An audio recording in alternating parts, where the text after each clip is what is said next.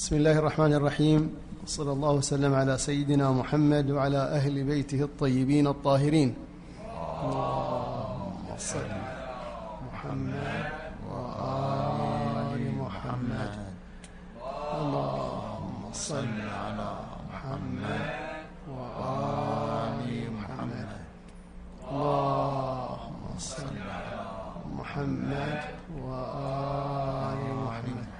بداية نعتذر لكم عن التأخير الذي حدث.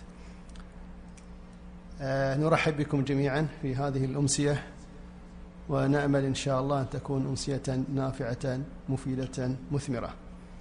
آه، ثنائية العلم والدين كانت ولا تزال مدار الكثير من النقاشات المختلفة والآراء المتباينة. فمن قائل بأنهما في خطين متوازيين لا يلتقيان وقائل بأنهما يعملان في مجالين مختلفين بالكلية وبالتالي فإن هذه الثنائية لا مكان لها. وهناك قول ثالث بإمكان إيجاد نقاط مشتركة بين المجالين وأن العلم بما هو علم لا يصطدم بالدين بما هو دين. في هذه الليلة نستضيف علما دينيا بارزا من أعلام المنطقة نستضيف شخصية بارزة لها دورها في إنتاج الخطاب الديني المؤثر على مستوى الساحة العربية والشيعية خصوصا من خلال المنبر الفكري الذي تتبناه وتدعو إليه. نستضيف شخصية لها قدم راسخة في الفقه والأصول والعلوم الدينية الأخرى.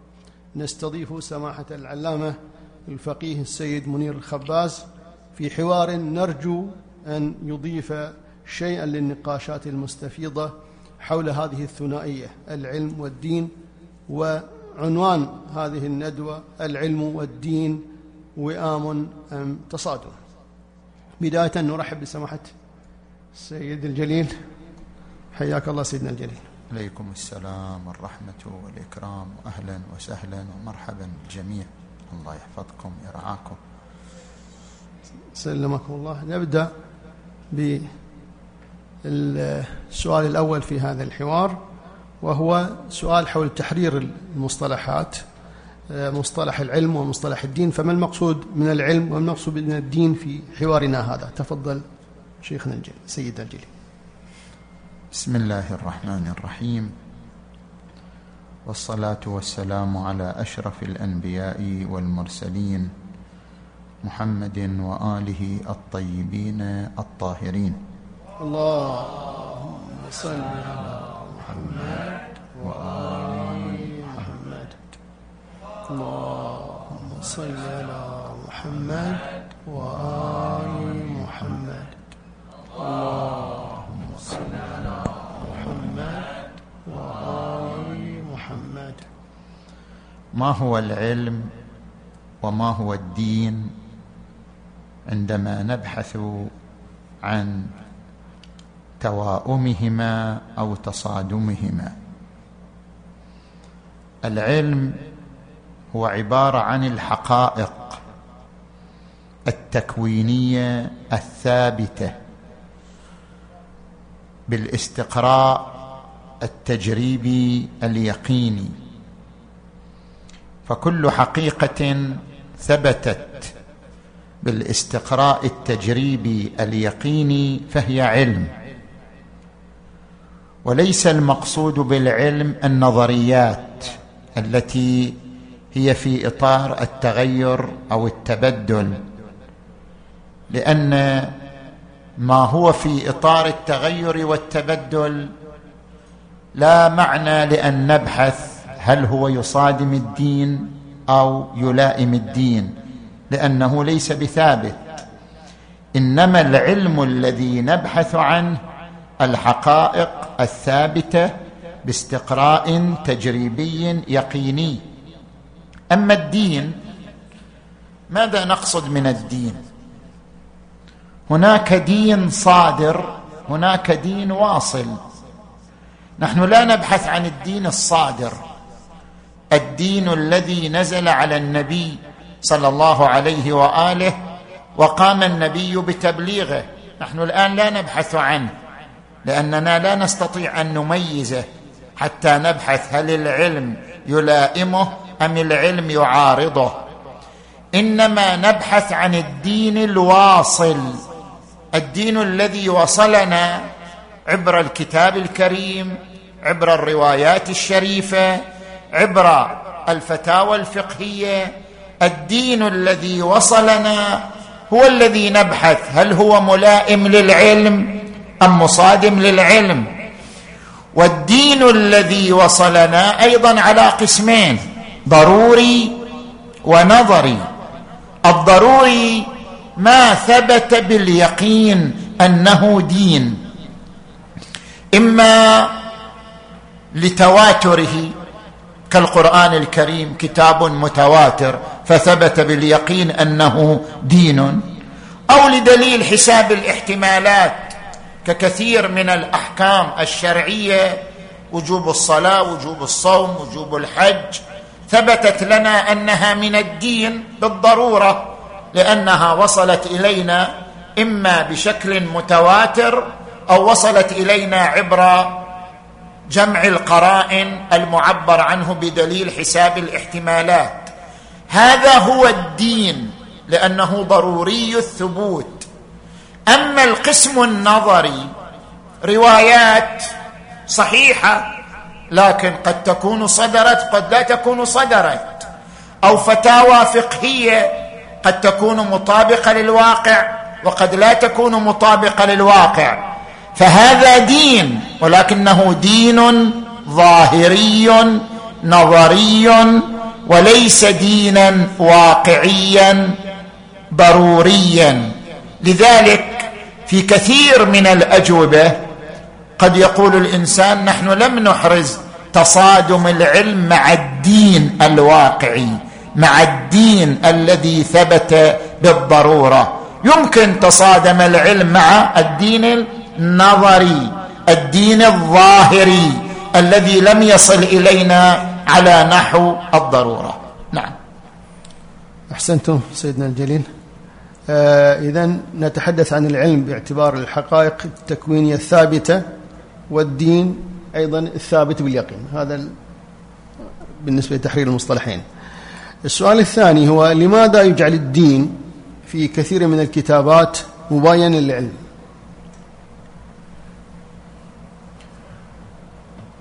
في الجواب عن هذا السؤال نذكر عدة أمور. الأمر الأول لا بد أن نفهم ما هي وظيفة الدين. ما هي وظيفة الدين في الحياة؟ لكي نبحث هل العلم مصادم للدين أو ملائم للدين.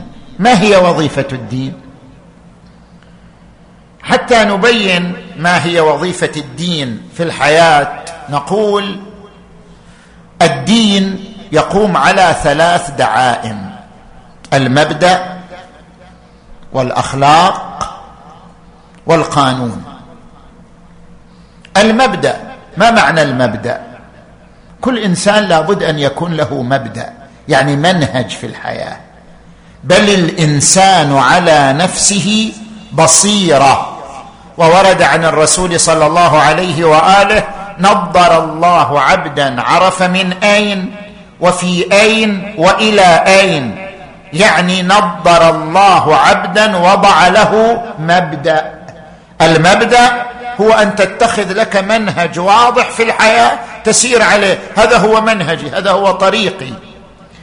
المبدأ دعامة من دعامات الدين التي يدعو إليها الدين. ويعتبر المبدأ عهدا للإنسان يعاهد به نفسه أمام ربه وأوفوا بالعهد إن العهد كان مسؤولا. هذا هو المبدأ. الدعامة الثانية القيم الأخلاقية.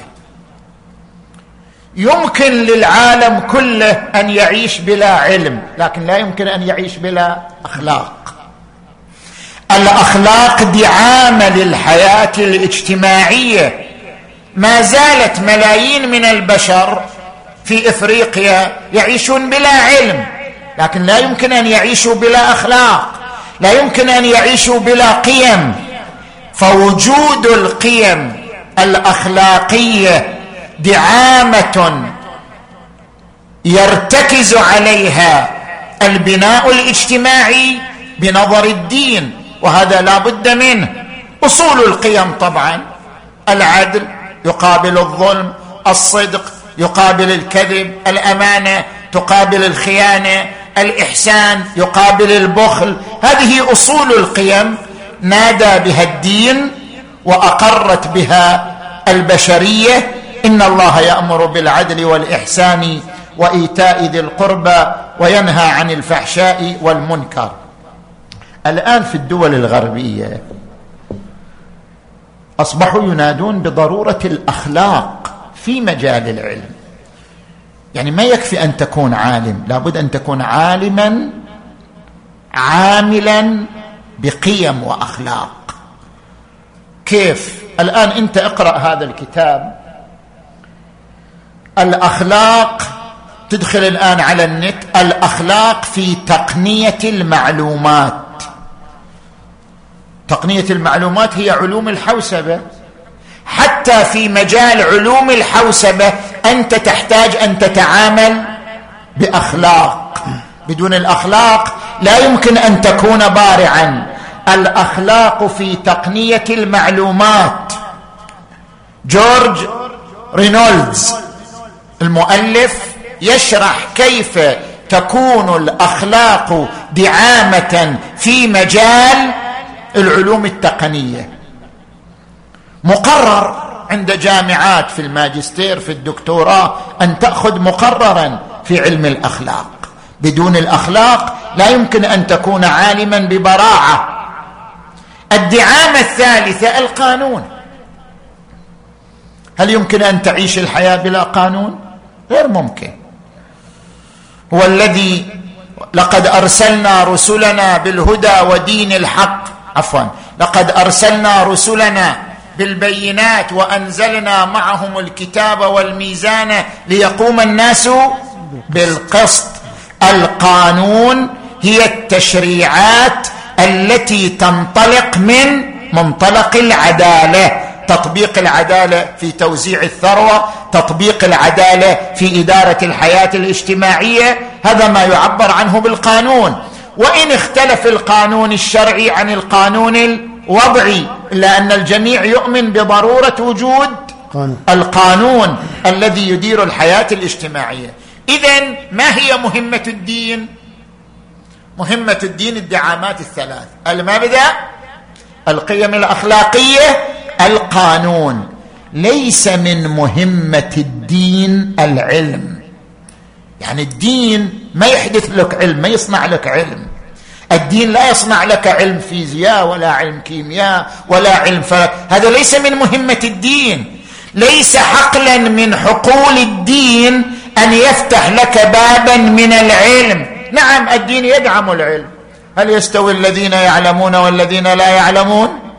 بل هو آيات بينات في صدور الذين أوتوا العلم. يمدح العلم يمدح العلماء. لكن ليس من مهمة الدين أن يفتح بابا من أبواب العلم. حتى نقوم بمقارنة بين العلم وبين الدين. علم إلى مجاله والدين له مجاله الآخر. هذا اولا. الأمر الثاني الممثل الرئيسي للدين هو القرآن الكريم. إذا أردنا أن نعرف هل الدين يدعم العلم أم لا يدعم العلم؟ هل الدين ملائم للعلم أو ليس ملائما للعلم؟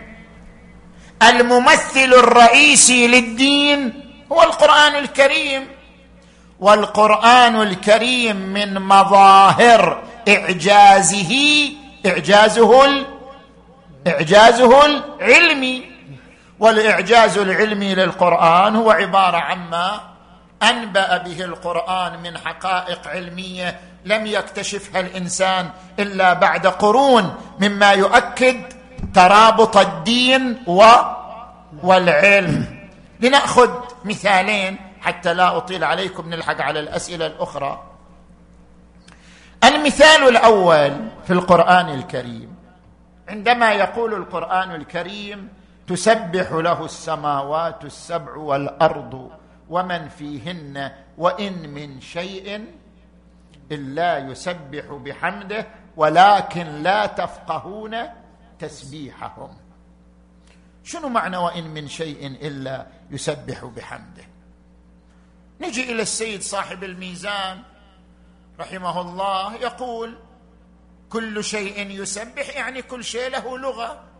كل شيء له لغة اذا كل شيء له حياة.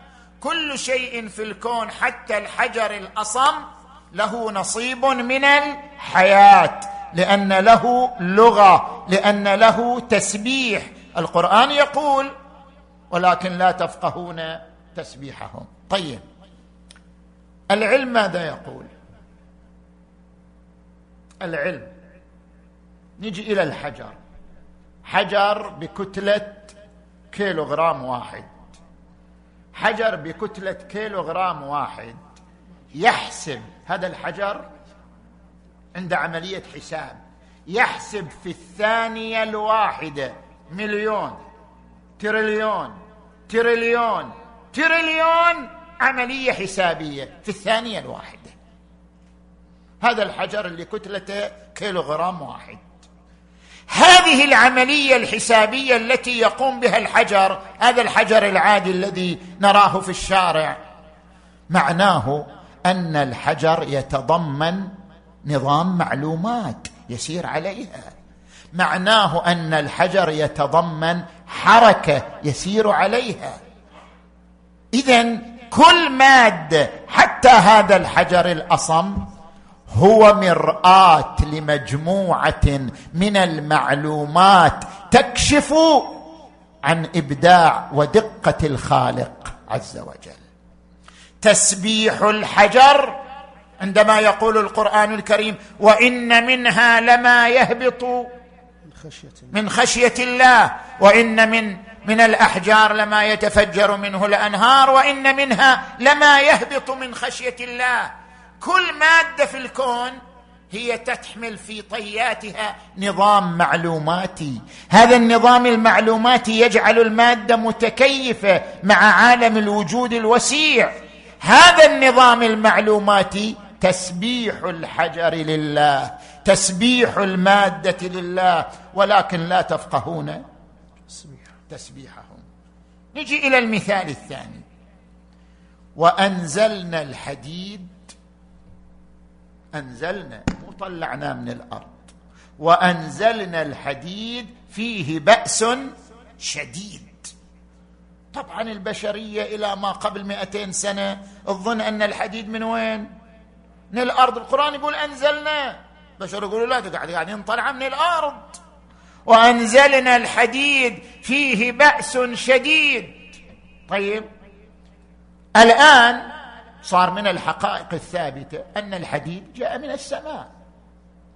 الحديد نعم تحول عبر التفاعل مع عناصر تربة الأرض تحول إلى هذا الجسم المعين صح. بس بذرة الحديد أو تعبير الادبي جينات الحديد هي من وين جاية؟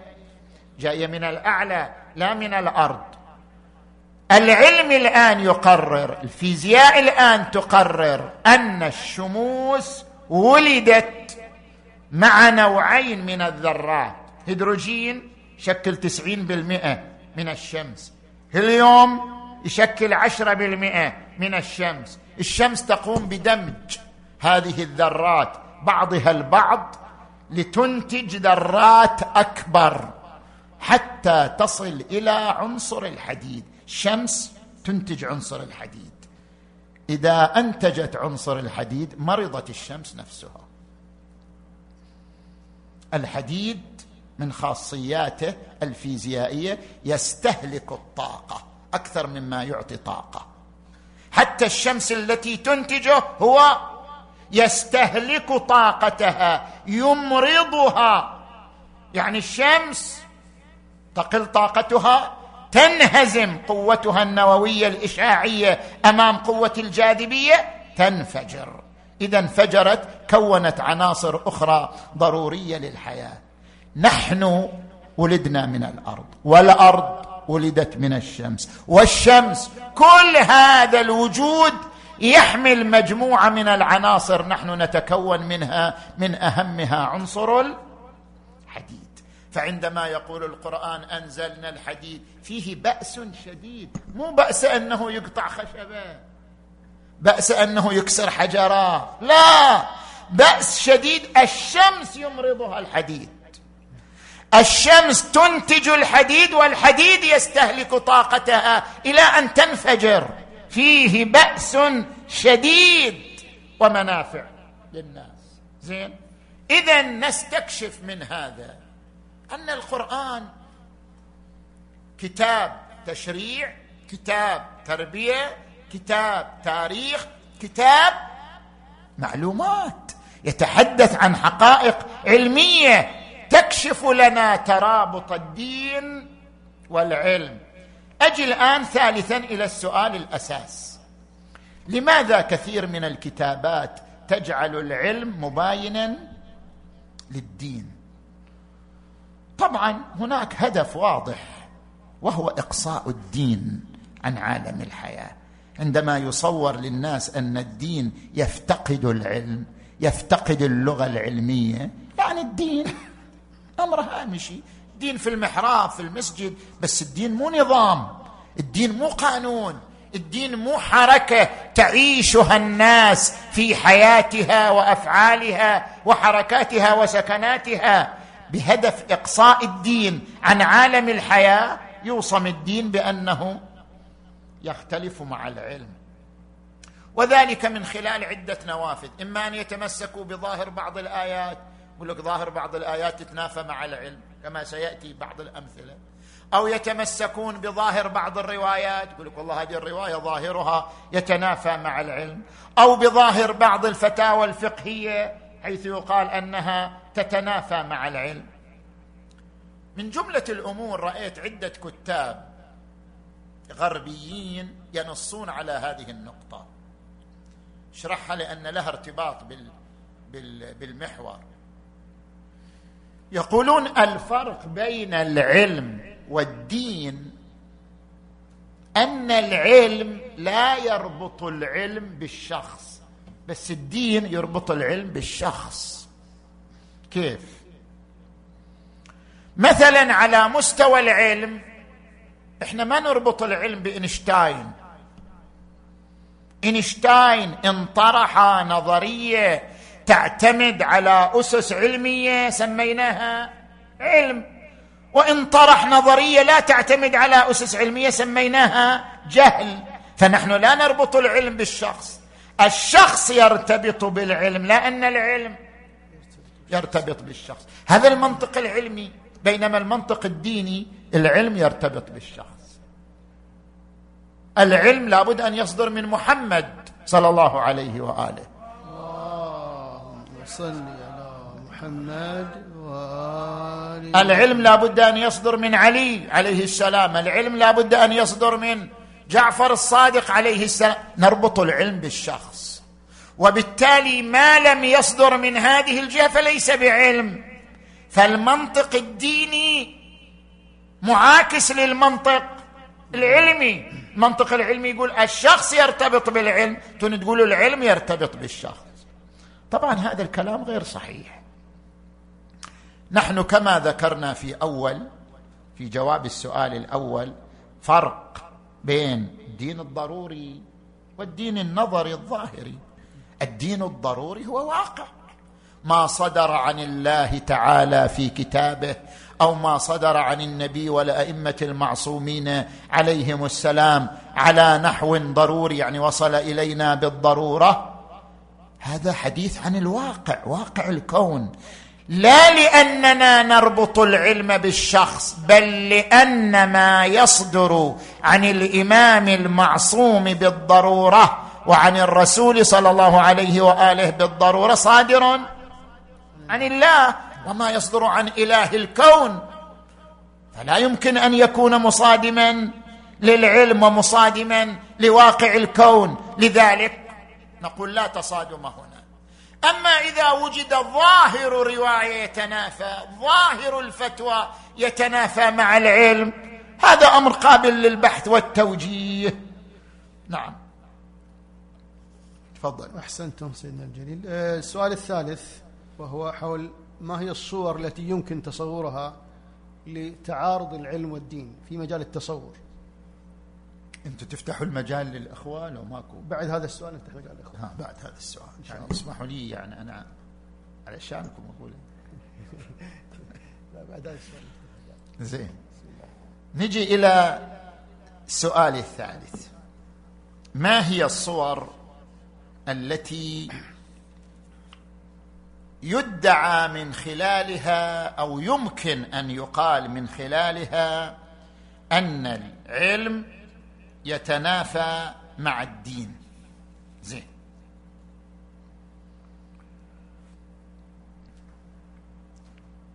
هنا ثلاث صور.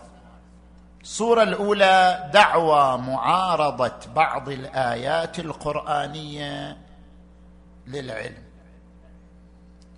أنا الآن طبعا هذا بحث موجود عندي في الموقع موقع المنير يتعلق بهذه النقطة.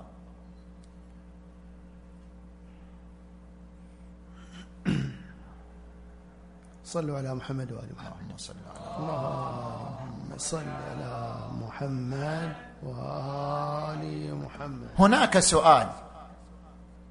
ما ورد في القرآن الكريم عن الشهب والنجوم والكواكب مخالف لما توصل إليه العلم من حقائق فلكية.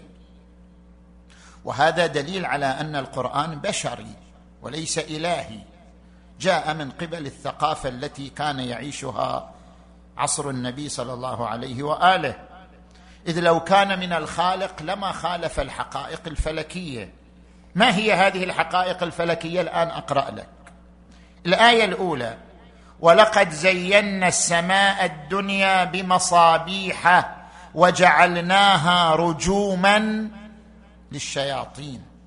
وقال في آية أخرى والنجم إذا هوى. يقول لك هذا مخالف للحقائق الفلكية. ليش؟ النجم يفوق حجم الأرض آلاف المرات. الشمس نجم. زين؟ هذه الأفران الهائلة المجموعات الشمسية الضخمة نجوم. النجم يفوق حجم الأرض بآلاف المرات. فكيف يهوي على الأرض؟ يعني مو معقول. هو يفوق الأرض بآلاف المرات فكيف يهوي على الأرض؟ حتى يقول القرآن والنجم إذا هوى. زين. هذا السؤال نجم عن شوفوا نجم قلنا. نجم يعني شنو؟ يعني ظهر أو صدر معناه أن النجم ليس مأخوذا من الصدور والظهور. تصور أن المقصود بالنجم في القرآن هو النجم بالاصطلاح العلمي. لذلك قال النجم بالاصطلاح العلمي يختلف عن الكواكب والشهب والنيازك وسائر الأجسام السائرة في الفضاء. هذا التصور غير صحيح. القرآن نزل بلغة العرب. ما هو معنى النجم في لغة العرب؟ لابد أن نفسر القرآن بما ورد بما هو جار في لغة العرب. نرجع إلى علماء اللغة والاستعمالات الفصيحة النجم كل منير في السماء. كل جسم مضيء في السماء فهو نجم. نجم. لأنه من نجم أي ظهر وبان وبدا فلا مانع من كون النجوم رجوما للشياطين. النجوم اللي هي رجوم للشياطين هي النيازك التي تنزل فتحترق في الفضاء. قال الخليل الفراهيدي في كتابه العين الجزء السادس صفحة 154 نجم النجم اسم يقع على الثريا وكل منزل من منازل القمر يسمى نجما وكل كوكب من أعلام الكواكب يسمى نجما. يعني كل جسم مضيء فهو نجم فيشتمل فيصدق على النيازك. زين. وبالنجم هم يهتدون. وبالنجم وعلامات وبالنجم هم يهتدون. زين نجي إلى السؤال الثاني. الشهب غير الكواكب. علميا شهب شيء والكواكب شيء آخر. الكواكب بعضها يمكن أن يدرك بعضها لا يمكن أن يدرك.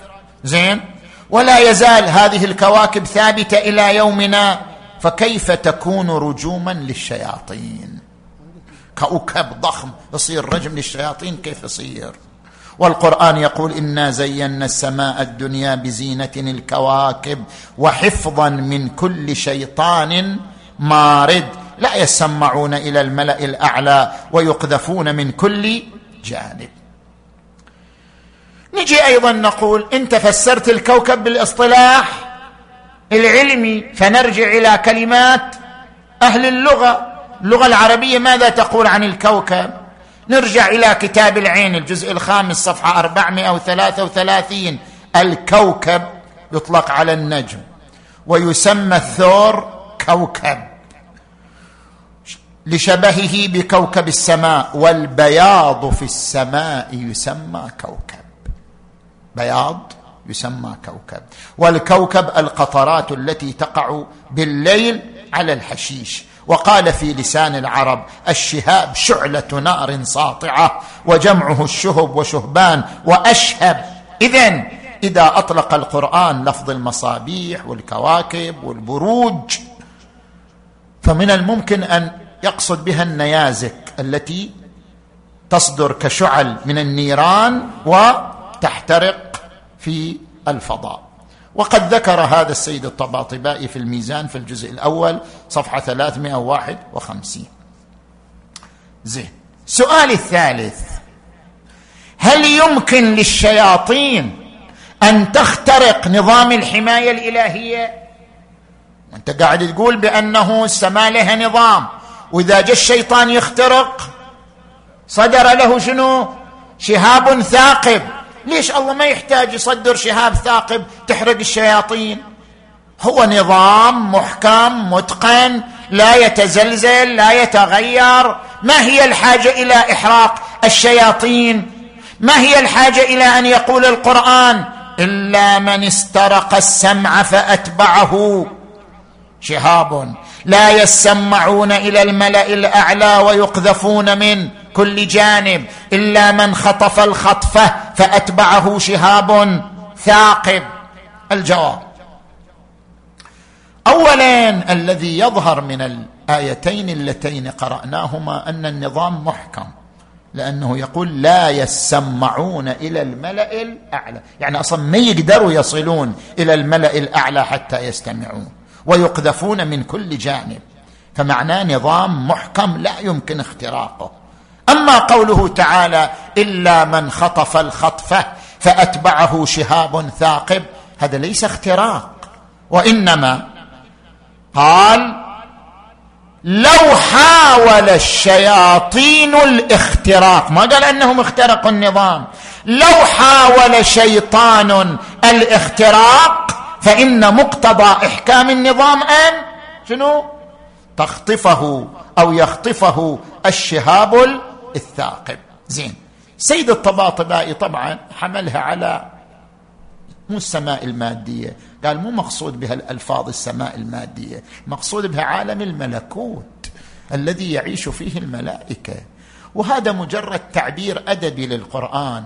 القرآن عندما يقول مصابيح كواكب ونجوم ما يقصد هذه السماء التي نحن نراها. يقصد عالم الملكوت. وهذه التعبيرات تعبيرات كنائية مجازية وليست تعبيرات حقيقية. معناها أن عالم الملائكة أسمى من عالم الشياطين وأن هناك حجبا نورية تحول بين الشياطين وبين وصولهم إلى عالم الملائكة. نجي إلى النقطة الرابعة. طبعا النقطة الرابعة والسؤال الرابع بعضهم ركز عليها. قال هذا دليل على أن القرآن بشري. كيف؟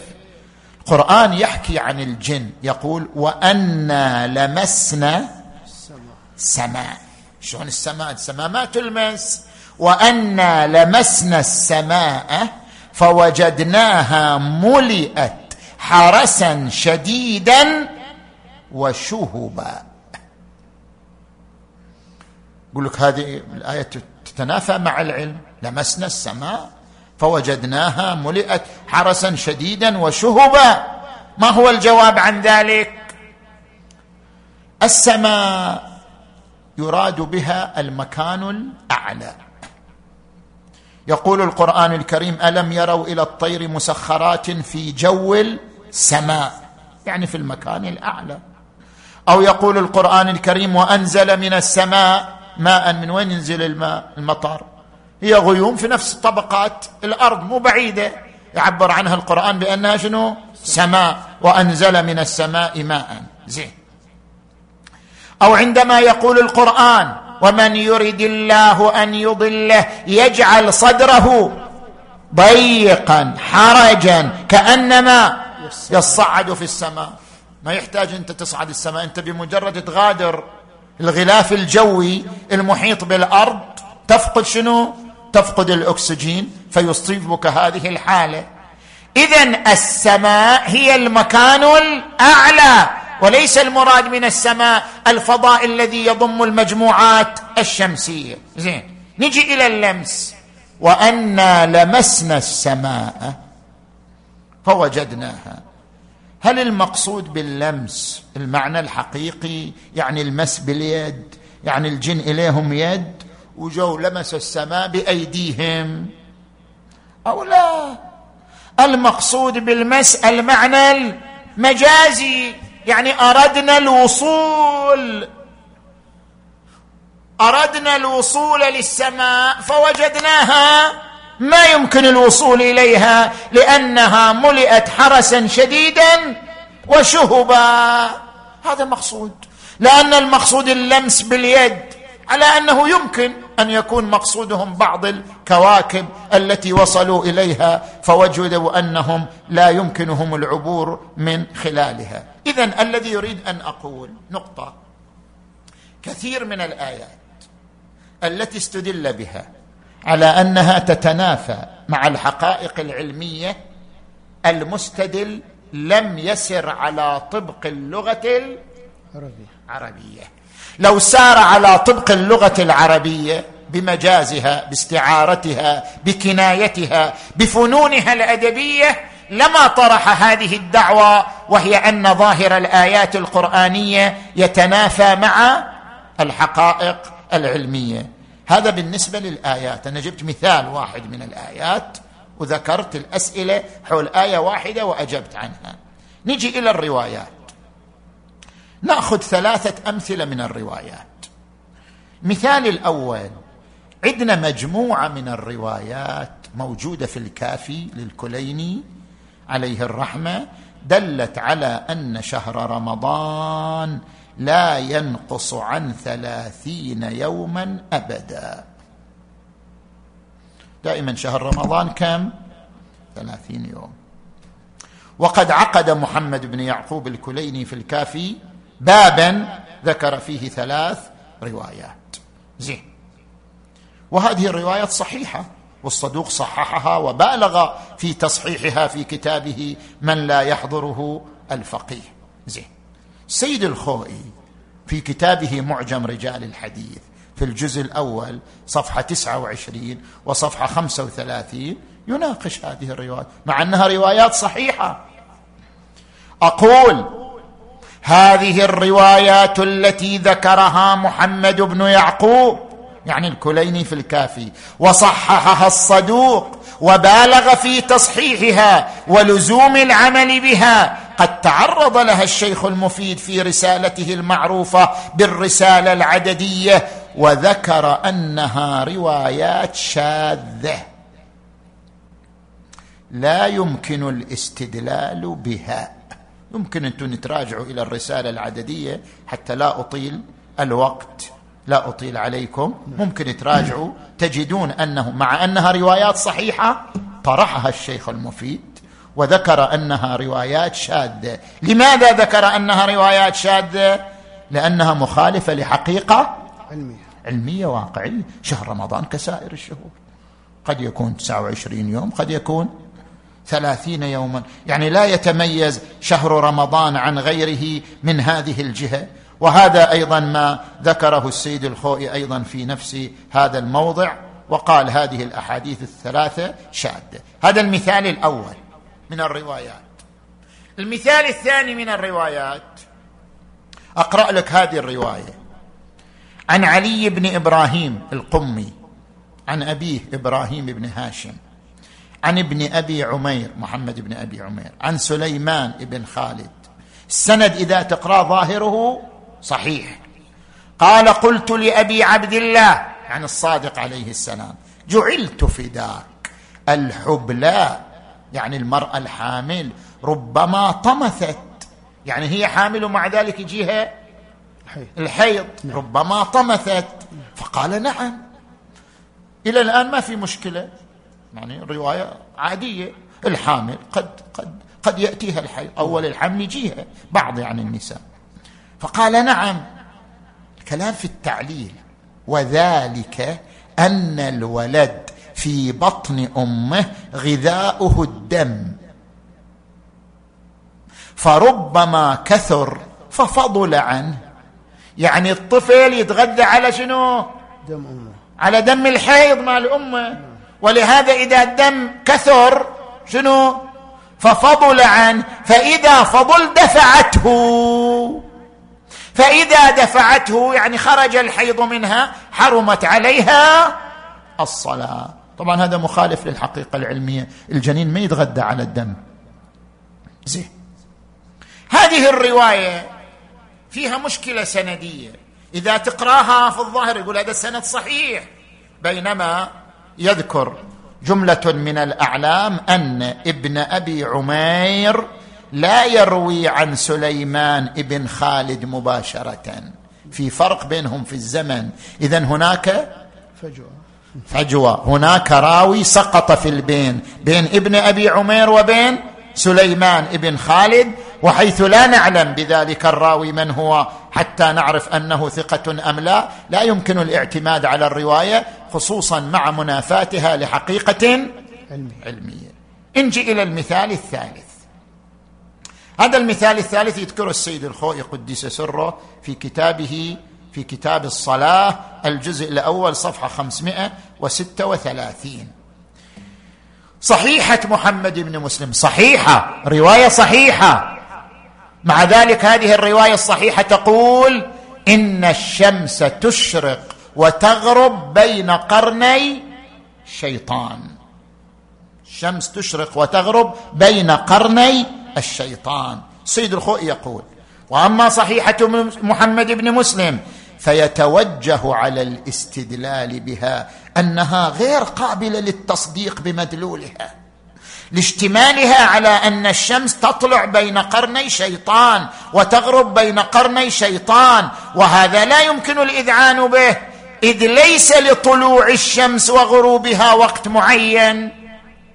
حتى يقال الشمس تطلع وتغرب بين قرني شيطان فإن الشمس في كل آن في أربع وعشرين ساعة هي في طلوع وغروب. طلوع بالنسبة لقسم من الأرض غروب بالنسبة إلى قسم آخر. فأي شيطان هذا اللي منا صاير ومنا صاير؟ هي بالنتيجة في كل آن بين طلوع وغروب بحسب اختلاف أماكن الأرض. فهو تعليل بأمر غير معقول. وهو أشبه بمفتعلات الكذا. ذكر اسم ما نذكره إحنا. لاستنكارهم الصلاة في الأوقات معللا بهذا التعليل.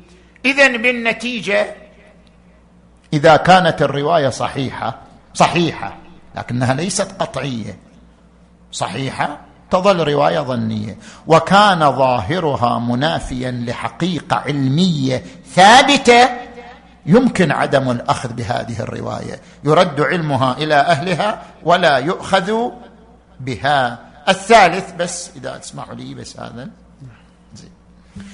الثالث بعض الفتاوى. قد يقال إن بعض الفتاوى تتنافى مع حقيقة علمية. مثلا عندنا قاعدة يمشي عليها الفقهاء وهي قاعدة منتزعة من حديث للنبي صلى الله عليه وآله. الولد للفراش وللعاهر الحجر. إذا وجد ولد في بيته فمعناه ولده. الولد للفراش وللعاهر الحجر. زين. طيب يقولون لك الآن صار عندنا طريق علمي وهو دي إن إيه. دي إن إيه. ليش تعتمدوا على الفراش؟ بعد اعتمدوا عندكم طريق علمي يثبت لكم الولدية من عدمها. ما معنى أن تعتمدوا في الفتوى على طريق غير علمي؟ وهو أنه ولدته زوجتك وزوجتك فراشك اذا هو ولدك. خذوا طريق علمي. فحص الدي إن إيه؟ وتتم الموضوع. ليش؟ اذا هذه الفتوى التي تعتمد على الفراش وحده فتوى منافية للحقيقه العلمية. أو تجي الآن مثلا للقاضي. القاضي بماذا يقضي؟ ورد عن الرسول صلى الله عليه وآله إنما أقضي بينكم بالبينات والأيمان. يا بينة يا يمين. طيب الآن القضاء يعتمد على طرق علمية البصمة الأثر. هذه طرق علمية لكشف الجريمة لكشف الدعوة. نقول في الجواب عن هذا هذه الفتاوى التي تعتمد على أمارية الفراش على الولد أو تعتمد على البينه والأيمان في باب القضاء لا تسد الباب امام الأمارات العلمية الأخرى. المناط كثير من علمائنا يقول يمكن للقاضي أن يقضي بعلمه. إذا استند علمه إلى طريق عقلائي وهذه الطرق العلمية الموجودة الآن طرق عقلائية. إذا استند إليها القاضي فقد قضى بعلمه المطابق للطريق العقلائي ولا إشكال في ذلك. كما أن تشخيص الولدية بفحص الدي إن إيه طريق علمي إذا أوجب الاطمئنان عمل به. نعم انتهينا. أحسنتم. سيدنا والآن نستقبل آه، مداخلاتكم. الإخوة اللي عنده أي مداخلة؟ أي مداخلة؟ يرفع يده علشان عرف بنفسك ولا نعم. هذا المفروض اللاقطة ما تكون مشتركة. يعني حسب الاحترازات الصحية اللاقطة ما تكون مشتركة. فيا تستغنوا عن اللاقطة يا أنكم يعني يستخدمها مرة واحدة تكون تعقموها تعقم. بعدين يستخدمها. بعد الأخ أنا بكون أنا اللي أمسك والأخ يسأل واللاقطه في يدي. إذا يقبل السيد. ما يخالف. لا أنا بس قصدي يعني وعلى آله. الاحترازات الصحية هذه بعد. اللهم صل على محمد وآله الطاهرين تعقبنا تفضل عزيز. تفضل. عليكم عليكم السلام السلام. أهلا وسهلا. موجود في القرآن آه، وخلقنا من كل شيء زوجين. هو هو من شاف من قلنا اللاقطه خاف. نزل صوته وتفاعل إيه. فالآن الأبحاث العلمية تشير إلى أن بعض الكائنات الدقيقة ليس لها زوجين إنما هي تنقسم من نفسها. هذا سؤال. السؤال الثاني وأختم فيه. آه، عندنا في الإسلام منذ القدم أن زواج القصر بمعنى أقل من 18 بيجيب السؤال هذا بعدين. نعم ومن كل شيء خلقنا زوجين. تفضل. السؤال الأول ومن كل شيء خلقنا زوجين. خلقنا زوجين.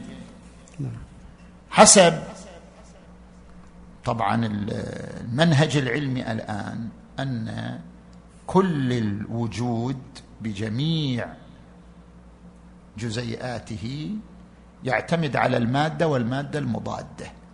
لولا التزاوج بين المادة والمادة المضادة لما تحقق هذا الكون.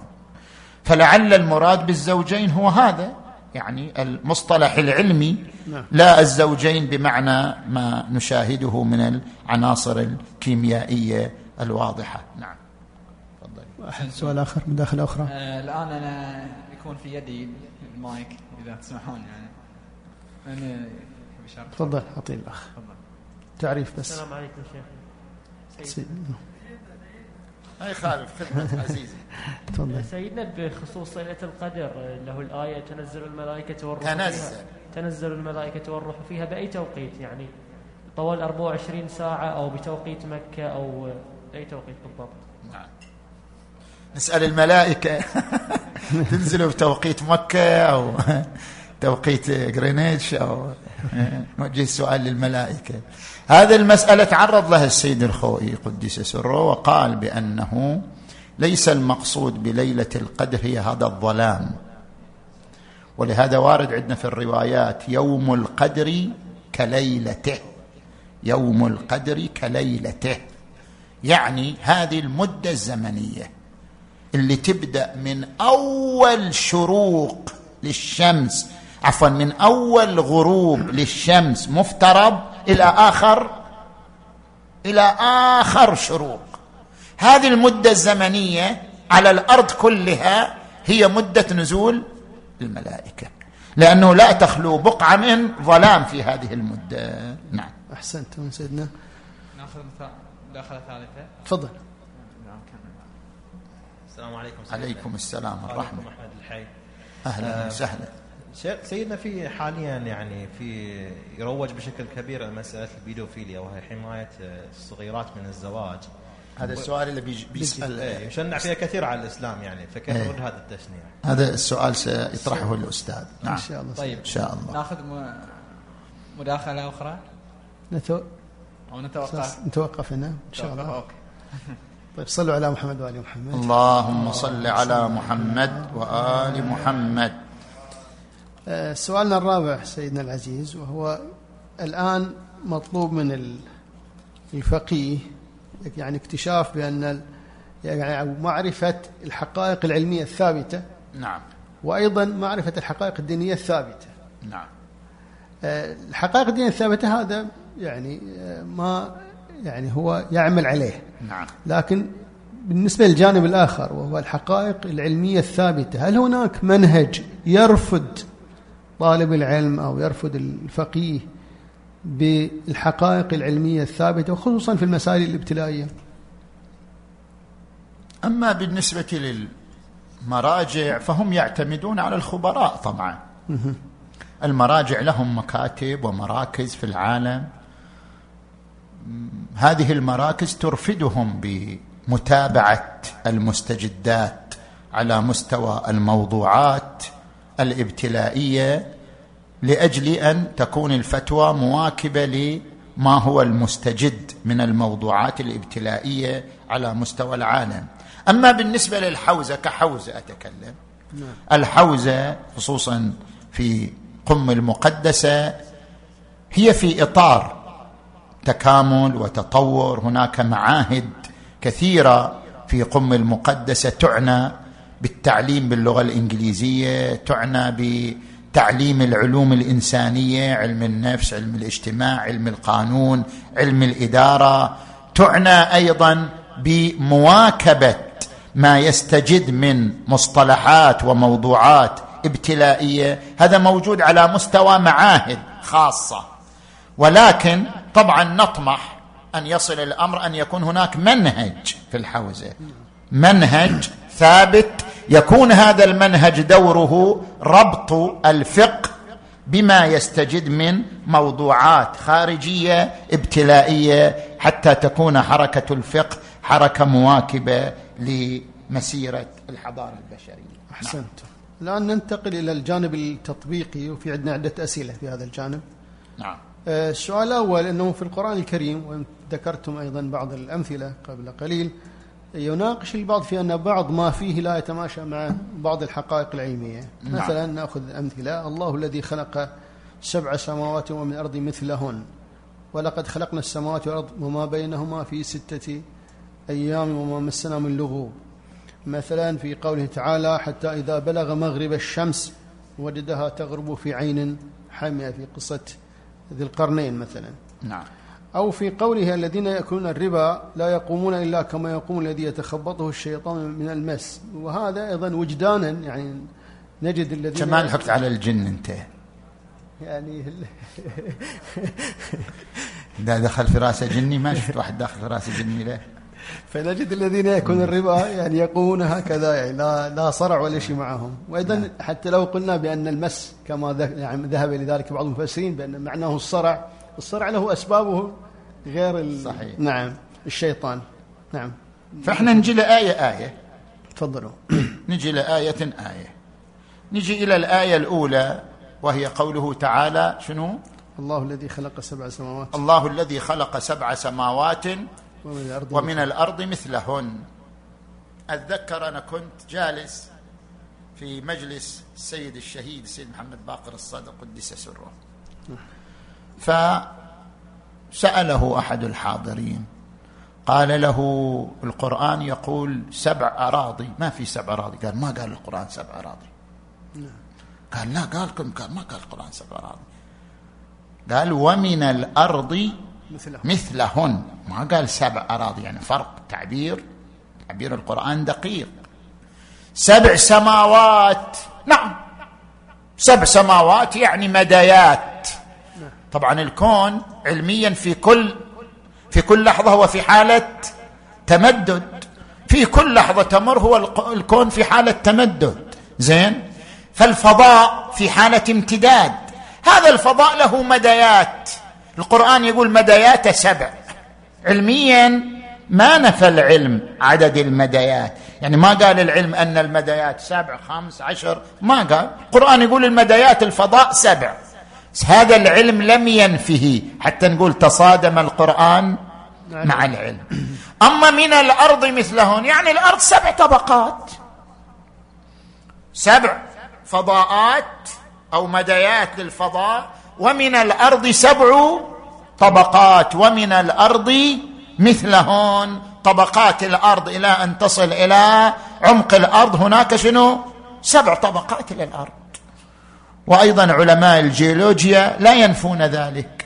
اذا هذه الآية لا تتنافى مع منطق علمي. نجي للآية الثانية.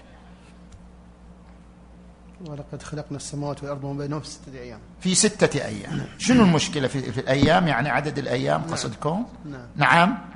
هذه أيضا أنا متعرض إليها في موقع المنير. إذا يعني إذا يراد الإشباع يرجع إلى الجواب هناك. إنما أذكر هنا ما ذكرته هناك. هناك فرق بين عنوان البارئ وبين عنوان الخالق. برأ غير خلق. برأ يعني أوجد المادة. خلق يعني أوجد الصورة. شلون أنت مثلا تعد الخشب ثم تصنع من الخشب كرسي. المرحلة الأولى إعداد الخشب هذا برأ المرحلة الثانية أن تجعله كرسي هذا خلق صنع. خلق السماوات والأرض وما بينهما في ستة أيام. هذه كانت مرحلة شنو؟ إعداد الصورة. إن في سماء وفي أرض وفي شموس وفي كذا وفي كذا. هذا الهيكلية أخذت ستة أيام. لأن بعضهم يشكل على الآية شو يقول يقول طيب قبل السماء والأرض ما كان في زمن. فكيف القرآن قال في ستة أيام. أيام؟ الزمن نشأ عن الزمن بعد رابع لعالم المادة بعد. بما أن الزمن بعد رابع لعالم المادة فقبل عالم المادة ما في زمن. كيف القرآن يقول في ستة أيام؟ فرق بين عالم البرء وعالم الخلق. أولا برأ المادة التي منها انفجر الكون منها انطلق الكون. عندما برأ المادة بدأ الزمن. فعندما جاءت المرحلة الثانية وهي مرحلة الخلق يعني تشكيل الصورة الكاملة كان هناك زمن. وهذا الزمن طبعا بزمن ما فوق زمن عالمنا هذا. إن يوما عند ربك كألف سنة مما تعدون. عبر عنه بثلاثة أيام عفوا ستة أيام. لفظ اليوم في القرآن الكريم استعمل بعدة معاني. النهار سخرها عليهم سبع ليال وثمانية أيام. أيام يعني نهار. مجموع الليل والنهار واذكروا الله في أيام معدودات. ما يقارب ألف سنة. وإن يوما عند ربك كألف سنة مما تعدون. خمسين ألف سنة تعرج الملائكة والروح إليه في يوم كان مقداره خمسين ألف سنة. الحالة جعل لكم من جلود الأنعام بيوتا تستخفونها يوم ضعنكم ويوم إقامتكم. يوم ضعنكم يعني حال ضعنكم وحال إقامتكم. المعنى السادس الفترة الزمنية. أحيانا نعبر عن الزمن يوم. قال تعالى فلما كلمه قال إنك اليوم لدينا مكين أمين. اليوم يعني في هذه الفترة. زين. وقال تعالى وتلك الأيام نداولها بين الناس. بعد أن فهمنا معنى الأيام اذا ما معنى قوله ستة أيام؟ تحتمل معاني ثلاثة. معنى الأول رمز إلى الزمن. يعني خلقنا السماوات والأرض في زمن ولم يكن خارجا عن إطار الزمن. المعنى الثاني أن المقصود بالأيام المراحل يعني خلقناهم في ستة مراحل. المعنى الثالث أن المراد به فترة زمنية لها تقدير معين لكن هذا التقدير يختلف. شوف الآن في الفيزياء. يقولون الزمن يرتبط ارتباط عضوي بالجاذبية. كيف؟ كلما كانت الكتلة أكبر كانت الجاذبية أشد وكلما كانت الجاذبية أشد كان الزمن أبطأ. الزمن على القمر أقل من الزمن على الأرض والزمن على الشمس أطول من الزمن على الأرض. يوم يوم خلينا نقدره مثلا يوم على الأرض ربما يعادل مثلا عشرة أيام على القمر. كلما كانت الكتلة أكبر كانت الجاذبية أشد وكان الزمن أبطأ. لذلك من تروح إلى مجموعات شمسية أكثر من تروح إلى أفران هائلة سوف يكون الزمن شنو؟ أبطأ. سوف يصح أن تقول إن يوما كألف سنة أو أن تقول كخمسين ألف سنة. اذا هذا يراد به فترة زمنية لها تقدير معين. نجي للآية التي بعدها. حتى إذا بلغ مغرب الشمس وجدها تغرب في عين حمئه جواب بسيط. ذو القرنين. مشى إلى أن بلغ نهاية الأرض من جهة الغرب. الشمس عندما تغرب يا تغرب خلف جبل يا تغرب خلف نخيل. راحت النخيل من عندكم مو؟ زين. أو تغرب في مثال عين. شوف عين. كأن الشمس شنو؟ سقط. هذا تصوير سينمائي. وجدها تغرب في عين حمئة. يعني منظر طبيعي كأن الشمس نزلت في عين. وإنما هي توارت من جهة الغرب وكان وقت تواريها شنو؟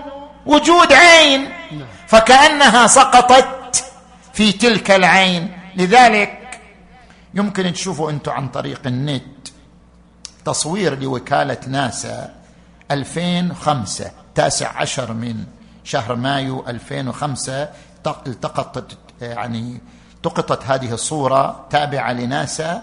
كأن الشمس تغوص تحت حافة فوهة جوسيف على كوكب المريخ. هذا تصوير.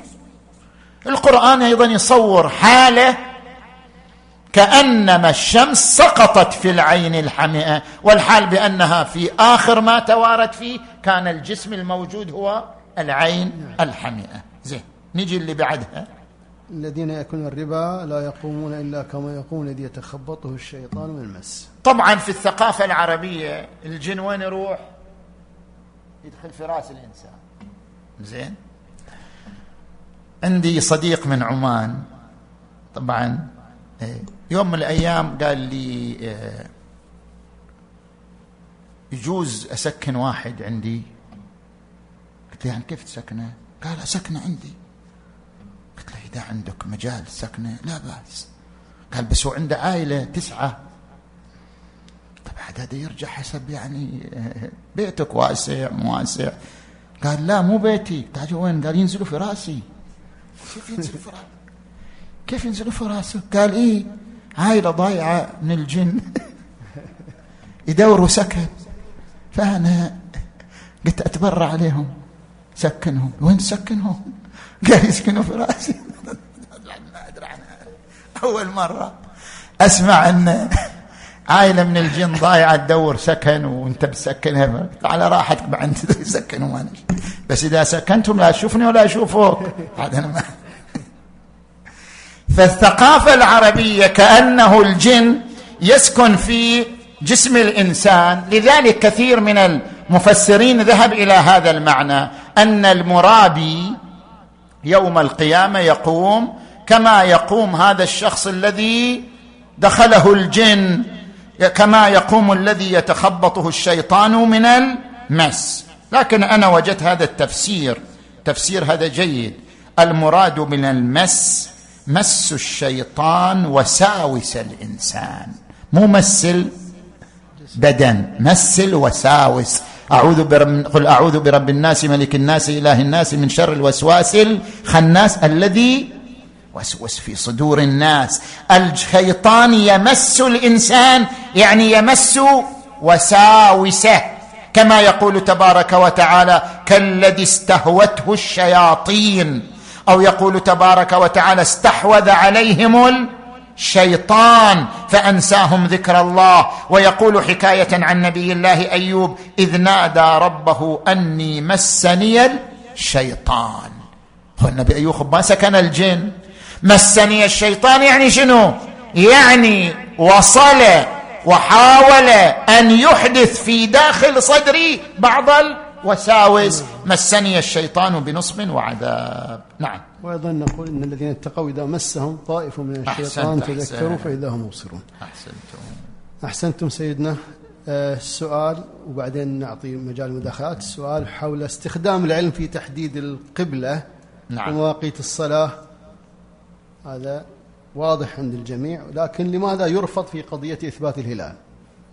هذه إثبات الهلال. كل سنة وندخل في وقعة ها؟ كل سنة ولنا حكاية. نعم. زين؟ أريد أن أوضح هنا أمور ثلاثة. الأمر الأول. الآية المباركة تقول يسألونك عن الأهلة. قل هي مواقيت لمن؟ للناس, للناس. مواقيت للناس يعني كل الناس. مو للناس اللي يعيشوا في طوكيو ولا يعيشوا في كل الناس حتى اللي يعيشوا في مغارات الجبال حتى اللي يعيشوا في الأدغال. الهلال ميقات لهم. متى يكون القمر ميقات لكل الناس؟ حتى الذين لا يملكون وسائل علمية. إذا كان يرى. آه. فاذا القرآن جعل الهلال ميقاتا لكل الناس. ولا يكون القمر ميقاتا لكل الناس ونحن نحسب الهلال من حالة المحاق. نقول متى خرج القمر من تحت المحاق؟ صار هلالا. لا ما صار هلال.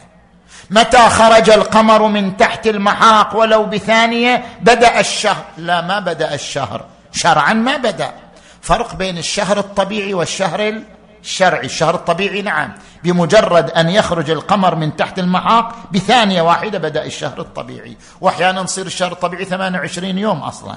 28 يوم وساعات. مو بالضرورة يصير 29 يوم. الشهر الطبيعي أتكلم. الشهر الشرعي هو ما ذكرته الآية. يسألونك عن الأهلة قل هي مواقيت للناس. ولا يمكن أن يكون القمر ميقاتا للناس إلا إذا كان بنحو بنحو يرى. فيصير ميقات للناس وإلا بيصير ميقات فقط للذين يملكون وسائل علمية مو ميقات لكل الناس. ومتى يكون الهلال يرى؟ لازم تجتمع فيها أربعة عناصر. ارتفاع عن الأفق حجم من الإضاءة حتى يرى يمكث مدة زمنية بحيث يرى فيها هذه المدة الزمنية أيضا أن يكون للهلال نفسه حجم بحيث يمكن رؤيته. إذا اجتمعت هذه العناصر الأربع أمكن رؤيته. هذا الأمر الأول. الأمر الثاني فقهاؤنا ومنهم السيد السيستاني دام ظله يقولون الإطمئنان الناشئ عن قول الفلكيين حجة. ما سدوا باب العلم. إذا حصل لك الاطمئنان من قول الفلكيين اتفق الفلكيون على أن الهلال اليوم يخرج ويبقى مثلا لنفترض ساعة ويكون حجمه كذا كذا كذا بس إحنا ما شفنا. إذا اتفق الفلكيون على إمكان رؤيته وحصل لك الاطمئنان من كلامهم يجوز لك أن تعود التصوم أول رمضان أو تفطر في أول شوال. فالفقه يقر العلم لأن هذا الاطمئنان ناشئ عن منشأ علمي ولذلك حتى في القبلة والوقت القبله والوقت ما تمشي بدون اطمئنان. صح لو لا؟ صحيح. لو أردت أن تشخص الوقت بالجهاز بس أنت ما حصل لك اطمئنان بالجهاز. لا ترتب اثرا. ما يعتبر أحرزت الوقت. لابد عن طريق اطمئنان ناشئ عن منشأ عقلائي. وكذلك إحراز القبله عن اطمئنان ناشئ عن منشأ عقلائي نعم. أحسنتم. إذا في مداخلة؟ تفضل. ما في؟ اللي عنده مداخلة يرفع يده. زعلانين الجماعة. صلوا على محمد وآل محمد. اللهم صل على محمد. وآل محمد وآل محمد. الاسم أيضا لو سمحتوا سيدنا نفس مسألة له الهلال. نعم. في مسألة الفجر؟ الفجر الفجري ليش ما يعتمد ليش يعتمد على دخول وقت الفجر يعني؟ ليش ما يعتمد على الحسابات العلمية؟ نفس الكلام. ليش يعني؟ نفس الكلام. يجوز يعني عند الفقهاء تعتمد على الحسابات العلمية. هل الفلك الفقهاء الآن مثلا في إيران يقولون ثلث ساعة عن وقت الأذان. ليش؟ اعتمادا على بعض الفلكيين. وهذا رجوع لبعض الفلكيين. اعتمادا على بعض الفلكيين أن الفجر الصادق ما يحرز إلا بعد كذا. ولا لولا كلام الفلكيين ما صار هذا. والقصد يعني التقاوم الموضوعة هذه زي ما نعم.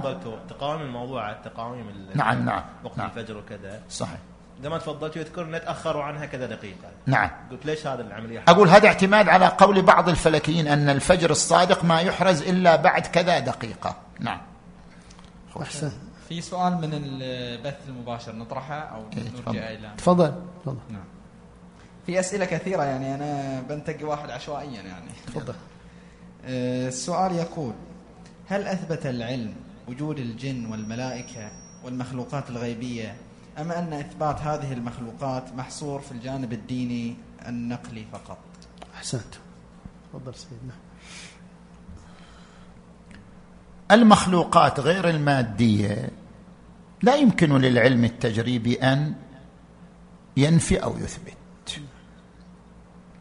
كل مخلوق غير مادي لا تطاله التجربة. العلم يعتمد على نتائج التجربة. التجربة لا تتناول ما خرج عن عالم الماده هذه المخلوقات التي ذكرها القرآن وذكرتها الكتب السماوية من ملائكة من أشباح من أرواح. العلم لا ينفيها ولا يثبتها يعني خارجه عن إطار العلم نفسه. نعم. طيب آه، سؤال عندنا حول الموت السريري. نعم. وهو طبعا الموت الدماغي. الموت الدماغي نعم نقصد السريري. بالموت نعم. الدماغي نعم. الموت الدماغي الموت الدماغي يعني ثابت طبيا بأنه موت. يعني الأطباء يقولون هذا موت. يعني كل شيء تعطل بلا خلاف بينهم. بينما لا يجيز يعني الفقهاء رفع الأجهزة عن الميت دماغيا. نعم. يحيلون تشخيص كونه ميتا إلى ال- العرف. يعني الآن لو واحد مثلا على سبيل المثال عنده يعني شخص ميت دماغيا في مستشفى خاص على سبيل المثال ولا نعم. يستطيع أن يدفع التكاليف. طيب المستشفى أيضا يقول لا, لا يعني اذا لا تدفع. إحنا يعني مضطرين أن نعم. نرفع الأجهزة. وما عندنا أيضا قانون يعني يجيز رفع الأجهزة. نعم نعم. حل هذه المشكلة. نعم. أقول اولا فرق بين القراءة الحقوقية والقراءة العلمية. كيف؟ بعض الفقهاء عندما يقول الميت دماغيا لا يحكم عليه بالموت. ليش؟ لا لأن العلم مخطئ بل لأن من حق هذا الإنسان من حقوقه أن لا يدفن حتى شنو؟ يتوقف قلبه. هذا أداء لحقه. هذه تسمى قراءة حقوقية. يعني عندما نقرأ حقه هذا إنسان من حقه من حقه أن لا يدفن أن لا يغيب أن لا تقسم أمواله إلا بعد أن يتوقف قلبه. عندما نقرأ المسألة من جهة حقوقية لا يتنافى هذا مع منطق العلم لأننا لا ننكر أنه مات دماغيا. مات. بس هو من حقه أن لا يدفن إلا بعد أن يتوقف قلبه شنو؟ عن النبض والحركة. هذا اولا. وثانيا مسألة الموت الدماغي. عندنا فقهاء اعتمدوا الموت الدماغي. عندنا الشيخ ناصر مكارم الشيرازي اعتمد الموت الدماغي أن الموت الدماغي موت ويترتب عليه آثار الموت. نعم المشهور بين الفقهاء لم يعتمدوا على الموت الدماغي. أنا أريد أشير لنقطة موجودة مذكورة في موقع المنير. منذ أربعين سنة اكتشف العلماء أن هناك وعيا تبادليا بين القلب والمخ وأن الوعي لا ينحصر في الدماغ بل هناك وعي تبادلي بينهما واستدلوا على ذلك بالتأثير المغناطيسي للقلب. كل عضلة من عضلات القلب تمتلك مئات الآلاف من الخلايا. وكل خلية لها مجال كهرومغناطيسي. يمثل لغة التواصل بين الخلايا نفسها. خلايا مستقبلة تستقبل الشفرة تقوم بفكها ثم تقوم بتوجيه عدد ضربات القلب قوة ضربات القلب وقت ضربات القلب. أي تغير في النشاط الكهربائي للقلب يولد تغيرا في المجال الكهرومغناطيسي. القلب له تأثير كهرومغناطيسي حتى على المشاعر حتى على الأفكار. أضرب لك أنا الآن أمثلة مذكورة في عدة بحوث علمية. زين. التداخل بين القلوب يتأثر بالمجال الكهرومغناطيسي. شلون؟ أول محطة لتداخل القلوب رحم الأم. عندما نكون في أرحام أمهاتنا قلوبنا تتناغم مع مع قلوب أمهاتنا. يعني نحن نعيش لغة تواصل. قلب الجنين مع قلب أمه. في لغة تواصل بينهما تتأثر بمجال الكهرومغناطيسي. بعدين تجي المحطة الثانية محطة الرضاعة. هذه جدا معلومة مهمة محطة الرضاعة. كيف؟ تقوم الأم ترى بشكل عفوي الأم تأخذه إلى جانب اليسار. ما تأخذه إلى جانب اليمين. ليش؟ منطقة القلب. الأم بشكل عفوي تأخذ الطفل إلى جانب اليسار عندما تريد أن ترضعه. هذا بشكل عفوي تقوم به الأم. هنا يبدأ التواصل بين القلبين. زين؟ شوف لاحظ. الطفل حال الرضاعة تقارير علمية. رأوا أن المجال المغناطيسي لقلب الطفل يتزامن تماما مع مجال الكهرومغناطيسي لقلب امه حال الرضاعة. هذا التواصل بين القلوب. معنى أن للقلب نصيبا من الوعي والإدراك. لذلك يقول كوتش لبن الأم ليس مصدرا للغذاء فقط بل هو طريق للعلم والمعرفة. يعني المرأة حال الإرضاع قاعد تغذي الطفل بشنو؟ بمعلومات شعورية حنان عطف. لا عذب الله أمي. إنها شربت حب الوصي وغذتنيه في اللبن وكان لي والد يهوى أبا حسن فصرت من ذي وذا أهوى أبا حسن. الله صل على محمد وآل محمد أحسنتم. بعد أكمل هذه النقطة.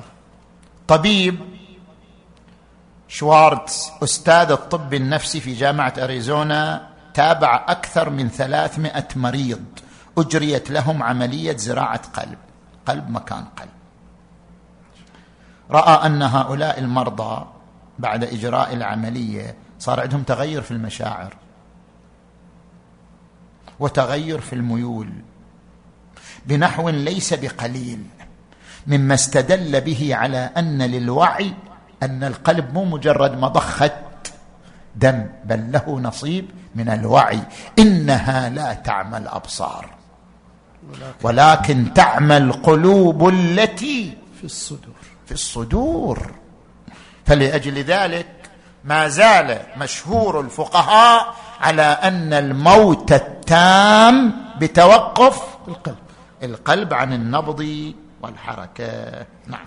أحسنتم سيدنا. السؤال آه هذا السؤال اللي انطرح قبل قليل ويطرح كثيرا وهو مسألة جواز آه نكاح الصغيرة والاستمتاع بها دون الوطء.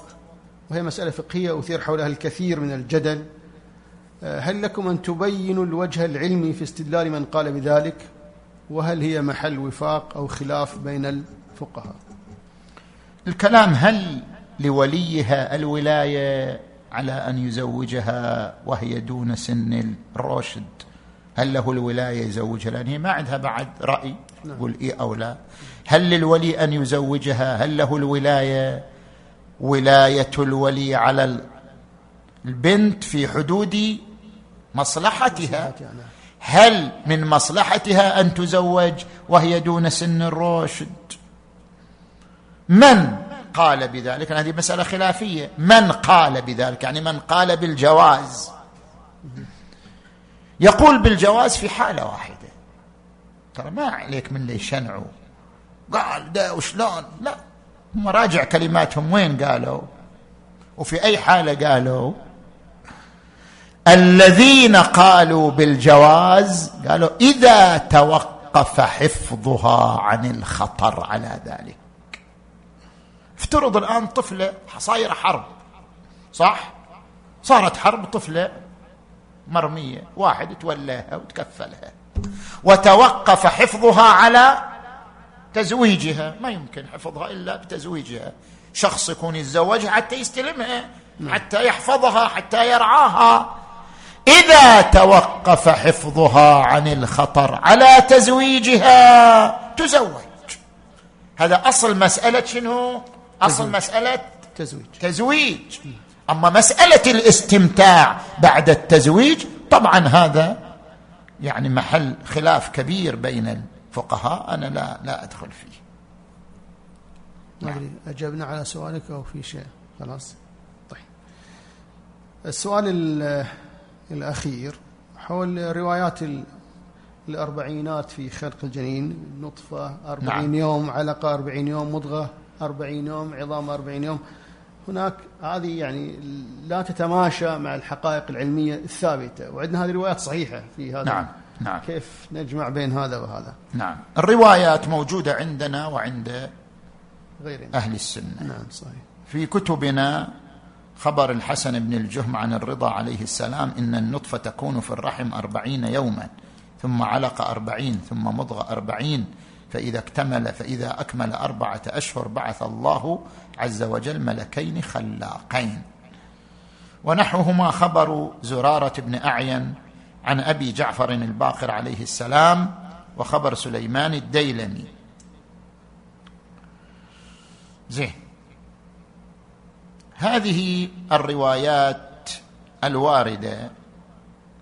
أنا أذكر هنا تعليقين على هذه الروايات الواردة في أن الجنين يمر أربعين يوم علقة أربعين يوم نطفة أربعين يوم علقة أربعين يوم مضغة يعني صار مئة وعشرين يوم. إذا كمل أربعة أشهر لأن 120 ثلاثة أشهر إذا كمل أربعة أشهر سوف تنفخ فيه الروح. الروح. بينما الآن علميا الحركة الإرادية في حركة اختلاجية للجنين وفي حركة شنو؟ إرادية. إرادية يعني هو باختياره يتحرك. الحركة الإرادية هي علامة الحياة. إذا تحرك بإرادته معناه الروح دبت فيه. الحركة الإرادية من الأسبوع الثاني عشر. من الأسبوع مو تبدأ الحركة من الأسبوع الإحساس بها. إحساس الأم بحركة الطفل تبدأ من الأسبوع الثاني عشر. يعني بعد ما كمل ثلاثة أشهر. وتنفخ فيه الروح يعني. خلاص الحركة معناه شنو؟ نفخ الروح. أن الروح نفخت فيه. نعم. حركته الاختيارية أنا أتكلم مو الحركة الاختلاجية. حركته الاختيارية تشعر الأم بها يمكن هي بدأت قبل. تشعر الأم بها في الأسبوع الثاني عشر.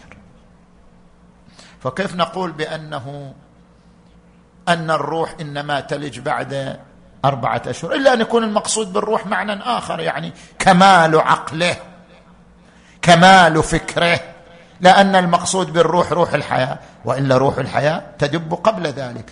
ثم هذا الجنين ما يمر بنطفة أربعين يوم وبعدين الله يصير علقة وأربعين يوم يقعد وبعدين الله. والآن حسا ما يحتاج علميا حسا من يسقط جنين خمسة أسابيع ترى له بداية شنو؟ جسم. ترى له بداية جسم. مو أنه كان نطفة أربعين يوم ثم علقة ثم كذا. زين. الآن أنا أذكر تعليقين على هذه الروايات. التعليق الأول ما ذكره العلم المحقق السيد محمد رضا السيستاني نجل السيد السيستاني. ذكره في كتابه وهو مطبوع وسائل منع الإنجاب. إنما تعرفه الحوامل بالحس والوجدان وعرفه الأطباء قديما وحديثا بالبحث والتجربة أن حركة الجنين تظهر في أوائل الشهر الرابع وتزداد بصورة تدريجية إلى أن تصبح في أواخر هذا الشهر واضحة كل الوضوح. وأما الروايات المذكورة في هذا الباب اللي أنا قرأت بعضها فهي بالإضافة إلى مخالفتها لحدوث الحركة الاستقلالية التي هي آية الحياة قبل مضي الشهر الرابع لا يمكن الاعتماد على شيء منها. هي روايات صحيحة بس هذا رجل عالم يقول ما نعتمد عليها لا يمكن الاعتماد على شيء منها ونسبة مضامينها إلى النبي. والأئمة عليهم السلام لمخالفتها للحقائق التكوينية التي أثبتها العلم. فالنتيجة أنه لم يثبت تحديد شرعي لموعد ولوج الروح في الجنين. فالعبرة بما يتيقن بحياته متى نتيقن بحياته؟ زين. هذا التعليق الأول. التعليق الثاني لبعض الكتاب من المذاهب الأخرى. حيث أن هذه الروايات وردت في صحيح مسلم ووردت في صحيح البخاري. في صحيح البخاري هذه الرواية عن عبد الله بن مسعود. قال حدثنا رسول الله صلى الله عليه وآله وهو الصادق المصدق. قال إن أحدكم يجمع خلقه في بطن أمه أربعين يوما ثم يكون علقة مثل ذلك ثم يكون مضغة مثل ذلك ثم يبعث الله ملكا يؤمر بأربع كلمات ويقال اكتب عمله ورزقه شقي أو سعيد وينفخ فيه الروح. هذا المعلق تعليق لطيف عنده. يقول مثل ذلك مو معنى أربعين يوم ثانية. لا في نفس الفترة. شوف إن أحدكم يجمع خلقه في بطن أمه أربعين يوما. نطفة ثم يكون علقة مثل ذلك. يعني في داخل الأربعين. أها في داخل الأربعين أيضا يكون علقة. ثم يكون مضغة مثل ذلك. مو مثل ذلك يعني يتكرر. أربعين أخرى ثم أربعين ثالثة. الحديث بهذا التعبير محتمل لهذا المعنى؟ نعم. طيب الآن بالنسبة كمل. لموضوع الدية الآن. الدية الكاملة تدفع بعد إكمال أربعة أشهر. إذا ثبت إذا ثبت أنه ولجته الروح يعني ثبتت حياته فديته دية كاملة. وإن لم يكمل أربعة أشهر. أربعة أشهر. نعم. أحسنتم سيدنا الجليل. نكتفي بهذا القدر. إلا عنده سؤال أخير حتى. سؤال أخير. إيه. أساس عندنا ثلاث دقائق عندنا. أسئلة من البث المباشر كثيرة. في هناك أسئلة. شوف السؤال ال- يعني المهم. إيه، إذا في سؤال مهم أيضا تفضل. ناخذ سؤال. السلام عليكم سيدنا. تفضل. عليكم معك السلام. العبد علي سلمان الابراهيم ابو حسن. أهلا وسهلا. حياك الله. المصاب بحالة مرورية أدى إلى الكساح. سلك مدعى سيد أولا. معافى معافى كفيت الله سيدنا. معافى. الله يسلمك ما يقصر الله بالصالح سؤالي بما أن الجن توصل لمس السماء في الآية؟ وأنا لمسنا السماء. نعم وهو الجن. هل الجن ثقل ثقلين الجن والإنس؟ هل الجن تطو- تطورهم أكثر من الإنس؟ نعم ال ال ال التطور الجن. العلمي التطور العلمي. لا مو التطور العلمي الطاقة الطاقة المادية اللي يملكها. الطاقة التي يملكها جسم الجن أكبر من الطاقة التي يملكها الإنس. علميا طيب فهو خطوة قد تتجاوز. علميا قلنا العلم لا يستطيع أن يحدد. العلم لا يستطيع أن يحدد حتى وجود الجن. موجود لو مو موجود العلم لا يستطيع أن ينفي ولا أن يثبت مؤمن بوجود الجن بالقرآن. مؤمن؟ بالقرآن بل يخب القرآن نطق بل هل قل أوحي إلي أنه استمع نفر من الجن. قالوا إنا سمعنا قرآنا عجبا. طب نعم. علميا ما نقدر نحدد أي الثقلين أكثر علما ما عندنا ما عندنا أي تقرير عن هذا. لا. أحسن سن الله إليكم. تفضل. سؤال في تفضل سؤال من البث المباشر. نعم. أحد الأخوة. يقول قال قلتم سيدنا في معرض الكلام لا دخل للدين في العلم. نعم. بمعنى أن الدين يختص بالأمور الغيبية وما وال والعلم إنما يختص بالأمور التجريبية لكن دائرة الدين تخرج عن الأمور التجريبية كذلك. لكن الندوة كلها كانت محاولة لتفسير العلم من خلال نصوص دينية. فما معنى قولكم إذا ما اسمع كيف تفسير العلم خلال نصوص دينية؟ يعني أنتم طرحتم نصوص دي نصوص دينية وحاولتم أن تقدموا لها تفسيرا علميا. نعم. ولكنكم قبل ذلك قلتم أنه لا دخل للدين في العلم بمعنى أن كل إنس كل كل كائن منهما يجري في مسار خاص. لا أنا وضحت هذا قلت الدين لا يصنع علم. يعني الدين يصنع قانون الدين يصنع أخلاق الدين يصنع مبادئ. بس الدين ما يصنع علم. يعني الدين تدخل تقول باب الصلاة باب الصوم في باب اسمه باب آه، الفلك في الدين أو باب باب الفيزياء في الدين. مو من وظيفة الدين أن يصنع علم اسمه فيزياء. أما الدين في نصوصه القرآنية والنبوية والمعصومية الثابتة شرح حقائق شنو؟ علمي كونية. نعم. شرح الحقائق الكونية شيء وأن الدين يتبنى أن يصنع لنا باب من أبواب العلم هذا شيء آخر. أحسنتم أحسنتم. أحسنت. أنا عندي سؤال وصلني أيضا إذا ممكن. هذا السؤال وهو حول هل المعرفة الفلسفية العقلية هي الوحيدة القادرة على إثبات الله عز وجل؟ وهل إنها قاصرة عن مواكبة العلوم التطبيقية؟ لا هذا غير صحيح. كما أن هناك أدلة فلسفية كبرهان الصديقين برهان الحدوث. هناك أدلة كلامية هناك أدلة أيضا علمية. دليل النظم يسموه برهان النظم. برهان النظم دليل علمي يثبت وجود الخالق على ضوء دليل حساب الاحتمالات. نعم. عندنا آخر-. سؤالين نختم بهما تفضل. نختم تفضل. آه، فاضل حمد من الجيش. حياك. الله يحييك. سيدنا بس آه، بالنسبة للطفل مو الطفل الجنين في رحم أمه هل يجوز إسقاطه لما أهل الخبرة من الأطباء يعني آه، يشخصون أن الحالة صعبة على الأم مثلا يعني مريضة مثلا بالسكلسل مثلا أو السكري وفي خطر على على الأم قبل الولوج الروح يعني ثلاثة أشهر إذا كان قبل ولوج الروح وكان بقاؤه في بطن أمه حرجا شديدا على الأم يجوز لها إجهاضه ويثبت عليها الدية وإذا أسقط الأب الدية عن أمه فليس عليها شيء. نعم. الدية على الطبيب إذا أسقط الطبيب إذا إذا الطبيب الدية على الطبيب. لكن إذا الأب أسقطها فلا. السؤال حول الأشهر.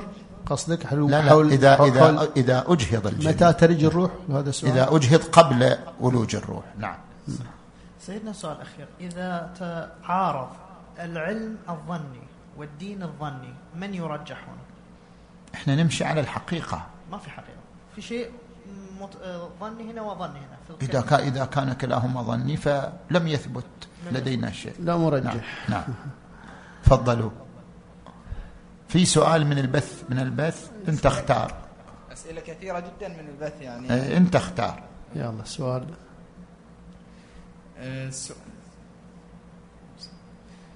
السؤال يقول أنه هل ممكن للدين أن يمر بمراحل تطورية يتغير من خلالها ويتطور بتغير وتطور الحياة الاجتماعية والاقتصادية؟ وكيف يوجه هذا الأمر مع الروايات الواردة بأن حلال محمد حلال إلى يوم القيامة وحرامه حرام إلى يوم القيامة؟ الدين كما قلنا إما ضروري أو نظري. ضروري هو ما يتغير. تشريع ثبت بالضرورة باق أما الأحكام النظرية في الدين يعني بمعنى الدين بمعنى الفقه. فالفقه يقبل القراءات المتعددة فيقبل القراءات ال- التي تحمل مقدارا من التطور والتجديد. فقه بعد كلما يعني الآن نحن كيف نقرأ الفقه؟ ما نقرأ كما كان يقرأه الشيخ المفيد عليه الرحمة أو كما كان يقرأه العلامة الحلي. كلما مشى الزمن كثرت العلوم كثرت الخبرات كثرت المعارف. كان استنباط الحكم الشرعي أدق. كان استنباط الحكم الشرعي أكثر صعوبة نتيجة لتعدد الآليات تعدد العلوم تعدد المعارف. ولأجل ذلك عالم اليوم أقوى من عالم الأمس. عالم اليوم يعيش عملية صعبة في مجال الاستنباط أكثر مما كان يعيشه العالم قبل مئة سنة أو قبل مئتي سنة. كلما تقدم الزمن تقدمت أبواب العلم من جميع الجهات أصبحت قراءة الحكم الشرعي من خلال الآية من خلال الرواية من خلال المصادر الأخرى أكثر تعقيدا. لذلك يكون الفقه دائما في حالة تطور وحالة تعدد قراءات مختلفة. نعم. أحسنتم سيدنا نكتفي بهذا. شكرا لكم سيدنا الجليل على ما. تفضلتم به ونعتذر وشكرا عن- لكم على هذا ونعتذر عن. التأخير في البداية. أنا اتصلت بالجماعة قلت يوم صار عندي شغلة. بعد. وشكرا لكم جميعا على الحضور. أهلاً شكرا وسهلاً. أيضا للإخوة اللي تواصلوا معنا. عن طريق النت أيضا. شكرا للجميع. نلقاكم على خير. والسلام عليكم ورحمة الله وبركاته. الله وآخر دعوانا الحمد لله رب العالمين. وصلى الله وسلم على سيدنا محمد وعلى أهل بيته الطيبين الطاهرين. اللهم صل على محمد وآل محمد.